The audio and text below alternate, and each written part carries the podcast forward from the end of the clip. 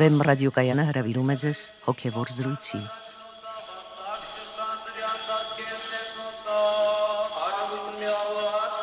Սիրելի ունկնդիրներ, Վեմ ռադիոկայանի եթերում են արժանապատիվ Տեր Մեսրոբ Քահանա Արամյանը եւ Արա Սարգսակ Նալչաջյանը։ Այսօրվա մեր զրույցը տոնական է Սուրբ Ծննդյան մասին։ Քրիստոս ծնավ եւ հայտնեցավ։ Օրհնյալ է ծնունդը եւ հայտնությունը Քրիստոսի մեզ եւ ձեզ մեծ ավետիս։ Տեր հայր ամեն տարի հունվարի 6-ին հայ առաքելական եկեղեցին տոնում է մեր Տեր Հիսուս Քրիստոսի ծննդյան եւ Աստվածահայտնության տոնը։ Տոնը իհարկե սկսվում է նախորդ օրվա ճրակալույցի հունվարի 5-ի երեկոյից, երբ տրվում է Սուրբ Ծննդյան ավետիսը եւ այնուհետեւ շարունակվում հունվարի 6-ին։ Սուրբ Ծննդյան եւ Սուրբ Հարության տոները, այսինքն Սուրբ Զատիկը, համարվում են քրիստոնեական երկու մեծագույն տոները։ Պարզաբանեք խնդրեմ, ինչու է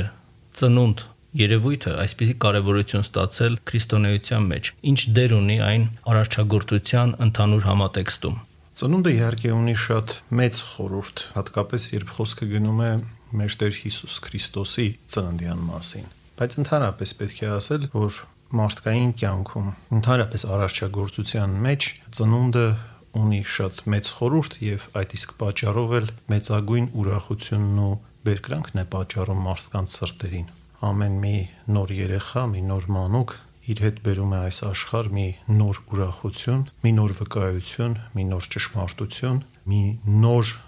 նորություն եւ տեղի է ունենում հնի եւ նորի խառնուրդը, տեղի ունենում ժամանակների երկխոսությունը, կայանում է մարդկային կյանքի շարունակականությունը, իրագործվում է մարդկային կյանքի պտղաբերությունը եւ ընդհանրապես բացահայտվում է մեզ համար Աստծո արարչագործության պտղաբեր էությունը։ Այդ իսկ պատճառով ծնունդը ունի շատ մեծ խորհուրդ, որովհետեւ ծնունդով աշխարհ է գալիս մարդը, որը զարմանալի կերպով Աստծո պատկերն ու նմանությունն է իր մեջ գրում։ Այսքանը ընդհանրապես ծնունդի խորհրդի մասին, թեպետ այս մասին կարելի է իհարկե շատ խոսել, եւ այս է պատճառը, որ մարդիկ ընդհանրապես մեծագույն ուշադրություն, հարգանք, սեր եւ ուրախության զգացում են ունենում ամեն անգամ, երբ որ աշխարհում իրագործվում է մարդկային ծնունդը։ Գալով մեր Տեր Հիսուս Քրիստոսի ծննդյան խորհրդին, պետք է ասել, որ Նախ այս ծնունդը ունի երկու մակարդակ։ Մեկ որ բանն Աստված բոլոր ժամանակներից առաջ ծնվել է իր հորից, ինչև արարչագործությունը, ինչև ժամանակը։ Այս ծնունդը մենք անվանում ենք անժամանակ ծնունդ։ Եվ դրա համար եկեղեցու հայրերը ասում են, որ չի եղել երբևէ, երբ չի եղել որդին։ Այսինքն սա ոչ թե ժամանակային առաջացում է, այլ նախահավիտյան ծնունդ է հոր էությունից եւ ամեն ինչով որդին նման է հորը եւ հավասար է հորը որպես Աստված ուրեմն նախքան բոլոր հավիտյանները նախքան բոլոր ժամանակը նախքան ամեն բան որ մենք կարող ենք պատկերացնել եւ երևակայել մեր առարչական մտքով որդին ծնվում է հորից եւ սա անվանում ենք մենք անժամանակ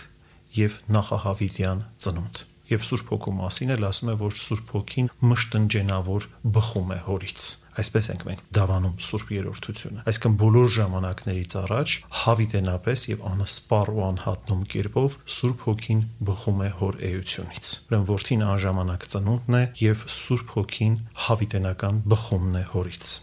Եվ ժամանակի մեջ արդեն մեղքի անկումից հետո Աստվածային անձերի հավիտենական խորթակցությամբ որոշվում է, որ Աստծո նախահավիտյան բանը Աստծո որդին, Աստծո միածին որդին պետք է աշխարհ գա որպես մարդ, ծնվի որպես մարդ, պիտի անցնի մարդկային բոլոր կրքերի միջով, այսպես կոչված անպարսավ կամ անանգուսնելի, անմեղադրելի կրքերի միջով, առանց մեղքի ամեն ինչով պիտի նման լինի մեզ, լինի ճշմարիտ մարդ, բացի մեղքից եւ դատապարտի մարմնի մեջ մեղքի չար էությունը եւ այնուհետեւ իր վրա պետք է վերցնի մահվան այդ անեծքը, պիտի այն գամի խաչին դատապարտի այն խաչի վրա, խաչի վրա պիտի մատուցի իր հավիտենական պատարակը եւ այնուհետեւ իր հարությամբ պետք է հաղթահարի մահվան ու չարի բռնությունը մարդկային ազգի վրա որը եւ տեղի ունեցավ, այսինքն կատարվեց մեր Տեր Հիսուս Քրիստոսի արդեն աշխարհ գալով եւ ծնվելով որպես մարդ։ Ահա այս իրադարձությունն է, որ մենք արդեն տոնում ենք, այսինքն նրա մարդեղության մարդ լինելու, մարդ դառնալու իրադարձությունն է, որ մենք տոնում ենք հունվարի 6-ին եւ բնական է, որ դա եկեղեցու ամենամեծ տոներից մեկը պետք է լինի, որտեվ աշխարհը գալիս մեր փրկիչ։ Տեղի ունեմ զարմանալի մի բան, անճարելի Աստված, անժամանակ, անբովանդակ, անվայրափակ Աստված մտնում է ժամանակի եւ չափավորության մեջ անբովանդակելին բովանդակվում է մարդկային տկարության մեջ, հզորը մտնում է մեր մարդկային նվաստության մեջ եւ մեզ նվաստներիս բացում է երկնային վերելքի եւ աստվածացման ճանապարհը։ Սա մի զարմանալի, անըմբռնելի մի մեծագույն խորհուրդ է մարդկային կյանքի համար։ Եվ ինչքան էլ որ մենք տոնենք ինչպիսի տոներ էլ որ մենք կատարենք, ինչպիսի ուրախություններ էլ որ մենք ունենանք, ինչքան էլ որ փորձենք այս խորհրդին հասու լինել, պետք է հասկանալ, որ այս խորհուրդը իսկապես անսպառ է եւ դժվար թե մենք մինչև վերջ, ինչքան էլ սա վերագիտակցվի մարդկային գիտակցության մեջ, կարողանանք հասու լինել այս խորհրդի էությանը։ Իսկապես Տեր հայր Սուրբ Ծննդյան խորհուրդը մեծ է եւ սքանչելի, սակայն այդ իրադարձությունը տեղի ունեցավ մեզանից շուրջ 2000 տարի առաջ, մի փոքր ավել։ Ինչ ազդեցություն ունի այն մարդկային հոգու վրա այսօր։ Մեզ համար ինչ նշանակություն ունի Սուրբ Ծնունդը։ Ճիշտ է, այնտեղի ունեցել ժամանակային առումով 2000 տարի առաջ, բայց ես մի եզր օգտագործեցի աստվածային անձերի հավիտենական խորհրդակցությամբ։ Սա նշանակում է, որ աստվածային նախախնամության մեջ, աստվածային հարացույցի մեջ արդեն նախատեսված է եղել այդ իրողությունը։ Եվ այդ իսկ առումով մենք կարող ենք ասել, որ Սուրբ Ծննդյան падգամը, Սուրբ Ծննդյան խորհուրդը եւ դրա էությունը ժամանակից դուրս տիեզերական մի իմաստ ունի եւ ժամանակը երբեք չի կարող խամրեցնել նրա հզորությունը, նրա էությունը։ Ընթակառակը ինչքան էլ որ մարդկությունը մեղքի մեջ մխրճված լինի, տեսեք, այսօրվա առումով նույնիսկ մեր իրականության մեջ գնալով որքան ու որքան առավել մենք ուշադրություն ենք դարձնում Սուրբ Ծննդյան խորհրդին։ Ուրեմն մենք տեսնում ենք, որ ժամանակը չի կարող խամրեցնել այդ խորհրդի վսեմությունը, որովհետև դա կապված է մարդու ազատագրման, մարդու փրկagorցության, ճշմարտության բացահայտման խորհուրդների հետ եւ մարդը միշտ փնտրելու է սա։ Մարդը չի կարող առանց դրա ապրել։ Ամեն անգամ, երբ որ մարդը հարց է տալիս իրեն, թե ով եմ ես եւ որն է իմ կյանքի իմաստը եւ ինչու եմ ես այս երկրավոր իրողության մեջ հայտնված, ինքը անպայման, եթե մինչև վերջ փորձի բացահայտել սա, գնալու է դեպի Սուրբ Ծննդյան ակունք, գնալու է մինչև Բեթխեհեմի մսուր Նաև ես ուզում եմ ասել, որ Սուրբ Ծնունդը իրավամբ ժամանակի սկիզբն է մեզ համար, որտեղ դա բերեց նոր ժամանակ եւ նոր չափում բացեց մարդկային կյանքի համար։ Պատահական չէ, որ ընդհանրապես մարդկության հաշվանքի համակարգը հիմա ժամանակի սկսում է Սուրբ Ծնունդից։ Սուրբ Ծնունդից ենք մենք հաշվում, այսինքն Քրիստոսից հետո քանի տարի է անցել։ Պետք է հասկանալ նաև, որ հին ուխտը կամ մարդկության նախընթաց պատմությունը, որը եկեղեցու հայրերը ասում են ստվերակերպ պատմություն, ինքը նույնպես կապված է հաշվանքի այդ համակարգի հետ։ Այսինքն, եթե այսպես փորձենք պատկերացնել, Սուրբ Ծնունդը դա կենտրոնական ակտն է ընդհանրապես մարդկային կյանքի պատմության մեջ եւ մարդկային կյանքի պատմություն պատմությունը հասկանալու համար Սուրբ Ծնունդից պետք է սկսել եւ գալ մինչեւ մեր օրերը, իսկ յետ գնալու համար նորից Սուրբ Ծնունդից պետք է գնալ դեպի առաջին արարչագործություն, մինչեւ Ադամ։ Այլապես մենք երբեք չենք հասկանա թե ո՞րն էր 5 կտակարանի իմաստը առանց նոր ուխտի, առանց Հիսուս Քրիստոսի ավետարանի հասկանալ ընդհանրապես ինչ է ասում 5 կտակարանը հնարավոր չէ, որովհետև դա էր հանգուցալուծումը, դա էր այն լրումը, այն խոստումի, որ Աստված տվեց մարդկությանը, որ տրվելու է մարդկությանը մի փրկություն, որը ոչ մի մարդկային մտքով, մարդկային պատկերացմամբ հնարավոր չէ հասկանալ։ Դեր հայր դուք ասացիք, որ մարդու հոգևոր փնտրտուքը սեփական ինքնագիտակցության, սեփական ինքնության հասկացման այդ փնտրտուքը այսպես թե այնպես հանգեցնում է կամ պետք է հանգեցնի Սուրբ Ծննդյան ակունքին։ Ինչպիսի հոգեվիճակում Ուրեմն պետք է լինի մարդը, որպեսի այս խորհուրդը, այս խորհրդի արծարծումը նրա համար լինի մշտակա եւ հարատև։ Նախ եւ առաջ մարդը պետք է գիտակցաբար ընդունի այս ճշմարտությունը։ Եթե մարդը չի ընդունում այդ ճշմարտությունը, բնականաբար նրա համար փակված կմնան շատ բաներ։ Եվ ոչ միայն պետք է մարդը ընդունի, այլ նաեւ մարդը վավերական մկրտությամբ պետք է այդ ճշմարտության կնիքը իր հոգում հաստատի։ Եվ մկրտությամբ է, որ մենք հաղորդ ենք լինում այն շնորհներին, որ մեր Տեր Հիսուս Քրիստոս տվել է մարդկանց։ Մկրտությամբ մենք վերստին ծնվում ենք ի Քրիստոս։ Մտնում ենք այն իրականության մեջ, որ Քրիստոս իր ծնունդով բերեց այս աշխարհ, որթեգրվում ենք։ Տեսեք, մենք ինքնության մասին էինք խոսում։ Ինքնությունը ոչ այլ ինչ է, եթե ոչ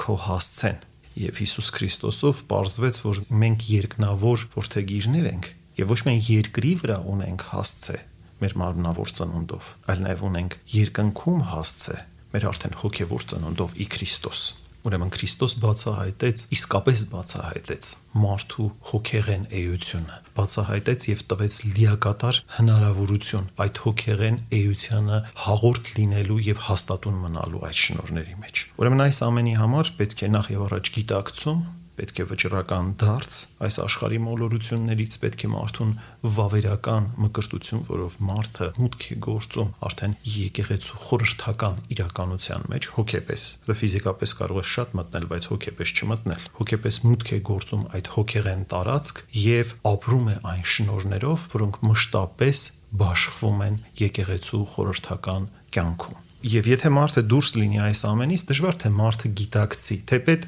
այդ ճառագայթումը, ես ուզում եմ ասել, այնքան հզոր է, այնքան հզոր է, որ նա նույնիսկ անցնում է ամենաանանցանելի պատերի միջով եւ լուսավորում է նաեւ մեղավորների հոգիները։ Դրա համար է, որ շատ մարդիկ այս կամ այն կերպով ունեն հարգալից վերաբերմունք դրա նկատմամբ, նշում են կամ դա համարում են կարևոր իրենց կյանքում կամ իրենց երեխաների կյանքում եւ այլն, որտեղ դա շատ հզոր ժամանակից դուրս ունիվերսալ համամարտկային կանչ է, կոչ է մարդուն հեռանալու այս աշխարհի ուն անհայնությունից եւ բարձրանալու երկնքի արխայության այդ լուսավոր իրականություն։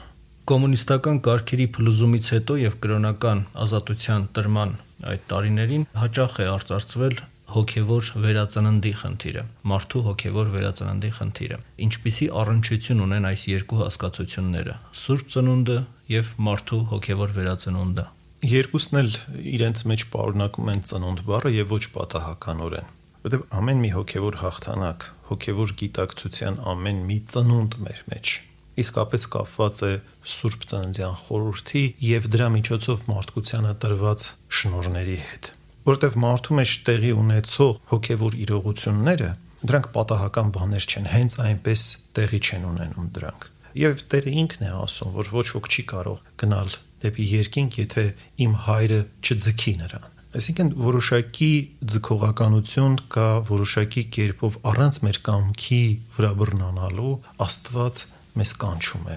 դեպի իր սերը, դեպի փրկagorցություն, դեպի երկնքի արխայություն։ Եվ այդ առումով այն ամենը ինչ որ որ մեր մեջ կատարվում է հոգևոր տեսանկյունից, դա իսկապես մեծագույն խորհուրդ է եւ կապված է այն շնորհների, այն փրկagorç շնորհների հետ, որոնք տրված են մեզ մեր Տեր Հիսուս Քրիստոսի մարդեղությամբ որտեղ այդ շնորներով է որ ծավալվել է սրբությունը ընդհանրապես մարդկային կյանքի պատմության մեջ ճիշտ է դրանից առաջ էլ եղել են արթարներ բայց մենք միշտ ասում ենք որ դրանք հատուկ զորացված իրողություններ են եղել երկրի վրա եւ ոչ թե սրբությունը կամ ճշմարտությունը եղել է մարդկային բնության սեփականությունը դա միայն եղավ այն ժամանակ երբ որ Աստված ճշմարտապես մարդացավ Աստված միավորվեց մարդկային բնության մեջ, բանը մարմին դարձավ եւ Աստվածայինը տեղափոխվեց մարդկային իրականության մեջ եւ ինչ որ առումով դարձավ մարդկային իրականության սեփականություն, ասում ենք Աստված անբաժանելիորեն եւ անընդմիջելիորեն դարձավ մարդ։ Ուրեմն մենք տեսնում ենք, որ այս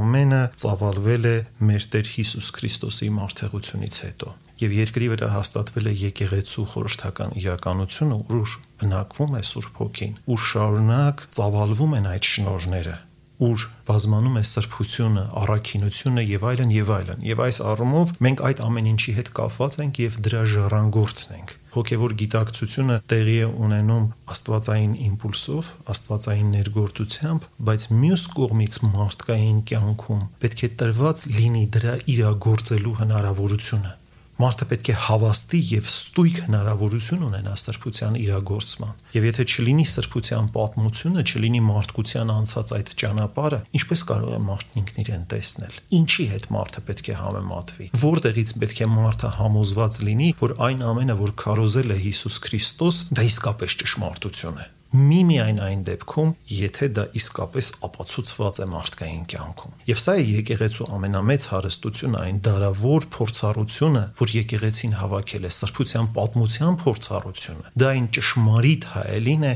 որի մեջ մենք կարող ենք ինքներս մեզ տեսնել։ Դեր այլ իսկ Սուրբ Ծննդյան այդ հզոր ազդեցության տակ, որի մասին դուք խոսեցիք արդեն, հնարավոր է արդյոք ամբողջական ազգի հոգևոր վերածնունդ, թե հոգևոր վերածնունդ հասկացությունը վերաբերում է միայն առանձին առանձին մարդկանց, անհատներին, անհատական հասկացությունը։ Անշուշտ հնարավոր է Եվ արդեն եթե մենք խոսում ենք եկեղեցու մասին եւ եթե փորձենք նաեւ եկեղեցու մեջ էլ առանձնացնել նաեւ ազգային եկեղեցի հասկացությունը, մենք կտեսնենք, որ ազգային եկեղեցին ոչ այլ ինչ է, եթե ոչ տվյալ ազգի մեջ որոշակի հոգևոր առանցքի իրականությունը դա նույնպես ազգային եկեղեցին մի ազգային կյանքի կազմակերպման, այսինքն սրբության հենքի վրա ազգային կյանքի կազմակերպման նաև մի որոշակի կարող ենք մոդել դիտել, թեպետ այս եզրերը ես կարծում եմ, որ ամենևին անպատշաճ են եկեղեցի հասկացությանը, բայց եկեղեցին, եթե մենք վերցնենք որպես երևույթ, դա նշանակում է հավաք այսինքն մարդկանց հավաք եւ հետեւաբար ինքը նաեւ ազգային կյանքի ինքնակազմակերպման մի որոշակի դրսևորում է, բայց լրիվ ուրիշ սկզբունքների վրա, մաքուր սկզբունքների վրա, սրբության, առաքինության, ճշմարտության փնտրման եւ այլն։ Այնտեղ չեն կարող շահադիտական նպատակներ դրվել, այնտեղ չեն կարող մարդիկ իրար հետ մրցել այնպես ինչպես այս աշխարհում են մրցում։ Այնտեղ կա ընդամենը մի բանի համար մրցում՝ սրբության։ Այլ կերպ ասած, եկեղեցին կարող ենք ասել, որ դա ազգային կյանքի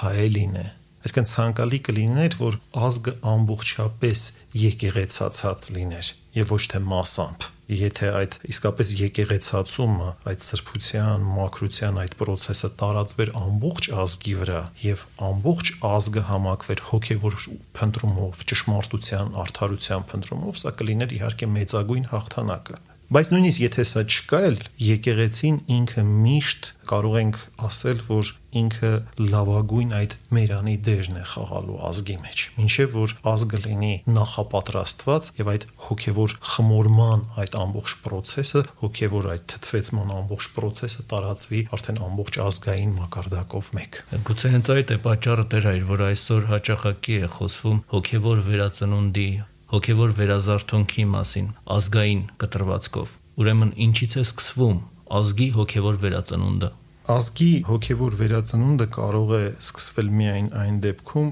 երբ որ կա հոգևոր ինքնագիտակցություն երբ որ խոսում ենք ընդհանրապես ազգ, ժողովուրդ հասկացությունների մասին, պետք է հասկանալ, որ սրանք նույն բաները չեն, երբ մենք մարդու մասին ենք խոսում, որտեվ այդտեղ արդեն որոշակի այլ օրենքներ են աշխատում, ստատիստիկ կամ այլ տիպի օրենքներ են աշխատում, եւ շատ կարեւոր է այդ դեպքում այսպես կոչված կրիտիկական զանգվածի գոյացումը, ինչպես սրբության պարագային, այնպես էլ մեղքի Օրինակ, տեսեք Աստվածաշնչում արտահայտություններ կան, ասում է ամորհացիների մեղքերը դեռ չեն հասել իրենց լրումին։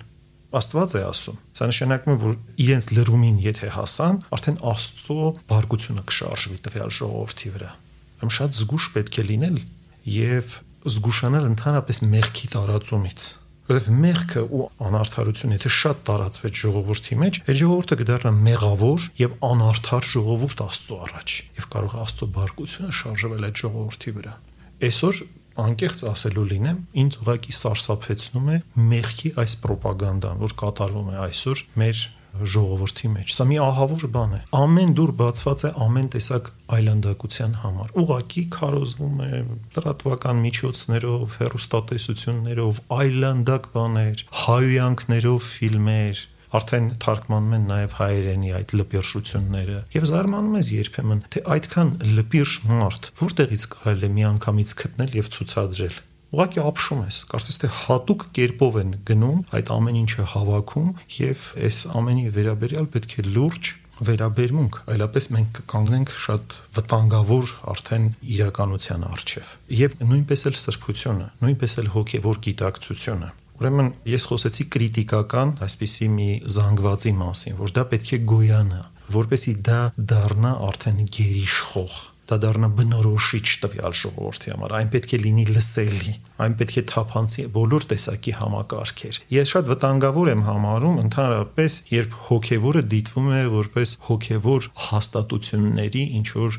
զբաղմունք որ կան եկեղեցիներ ինչ որ հոգևոր հաստատություն թող իրանք էսպիսի բաներով զբաղվեն ոչ հոգևորը պետք է արտացոլված լինի կյանքի բոլոր դրսևորումների մեջ ամեն ինչի մեջ մենք կարիքը ունենք հոգևորի գիտության մեջ, տնտեսության մեջ, քաղաքականության մեջ, կրթության մեջ, ամեն ինչի մեջ մենք կարիքը ունենք եւ սա ուղակի հիմքն է, որի վրա որ մենք պետք է կանգնենք։ Ուրեմն կարեւոր է, որ այդ հիմքը լինի հզոր։ Կարեւոր է, որ նա ունենա արդեն այնպիսի ծավալ, այնպիսի չափ, որ լինի բավականին ազդեցիկ ազգային արդեն մակարդակի վրա։ Եվ այս մասին պարտավոր են խորհել ոչ միայն հոգեվորականները, այլ նաև երկրի ղեկավարությունը, այլ նաև մտավորականությունը,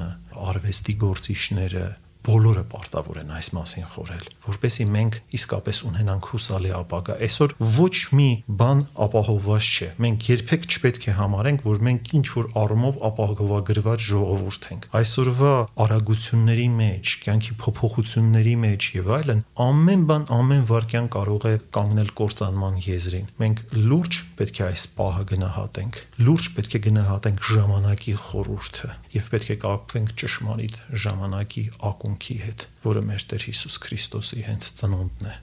Տեր հայր, որպես ձեր այս վերջին մտքի շարունակություն կխնդրեի ձեր քահանայական մաղթանքը մեր ունկնդիրներին, մեր ժողովրդին, Սուրբ Ծննդյան առիթով։ Ես մաղթում եմ, որ այս Սուրբ Ծնունդը իսկապես լինի Սուրբ Ծնունդ մեր սրտերի խորքում, լինի ճշմարտության ծնունդ, առաքինության ծնունդ, հոգևոր փնտրումի ծնունդ հոգևոր գիտակցության վերածնունդ լինի այս Սուրբ Ծնունդը մեր ժողովրդի կյանքում, որպեսզի իսկապես մենք դառնանք ճշմարտությունը փնտրող, երկնային հովի կանչին հետևող ժողովուրդ, հասկանանք հոգևորի խորուրդը, որովհետև հոգևորը ինքը շատ նուրբ իրականություն է եւ մարդկանցից ու ժողովուրդներից պահանջում է նրբագույն հոգևոր վիճակներ Առանց դրա մենք չենք կարող հաղորդ լինել եւ հասկանալ հոգեվորի էությունը։ Թող այս Սուրբ Ծննդյան շնորհները իսկապես մեր մեջ վերարծարծեն մեր հոգեվոր էությունը, հաղորդ դարձնեն մեզ այն ամենին, ինչ բերեց մեր Տեր Հիսուս Քրիստոս աշխարհ իր լուսավոր, իր անճարելի ծննդյան խորհրդով։ Շնորհակալություն Տեր հայր, թույլ տվեք սրանով եզրափակել մեր այսօրվա զրույցը Սուրբ Ծննդյան մասին։ Սիրելի ունկնդիրներ, իմ զրուցակիցն էր արժանապատիվ Տեր Մեսրոպ Քահանա Արամյանը։ Քրիստոս ծնավ եւ հայտնեցավ։ Օրհնյալ է ծնունդը եւ հայտնությունը Քրիստոսի մեզ եւ ձեզ մեծ ավետիս։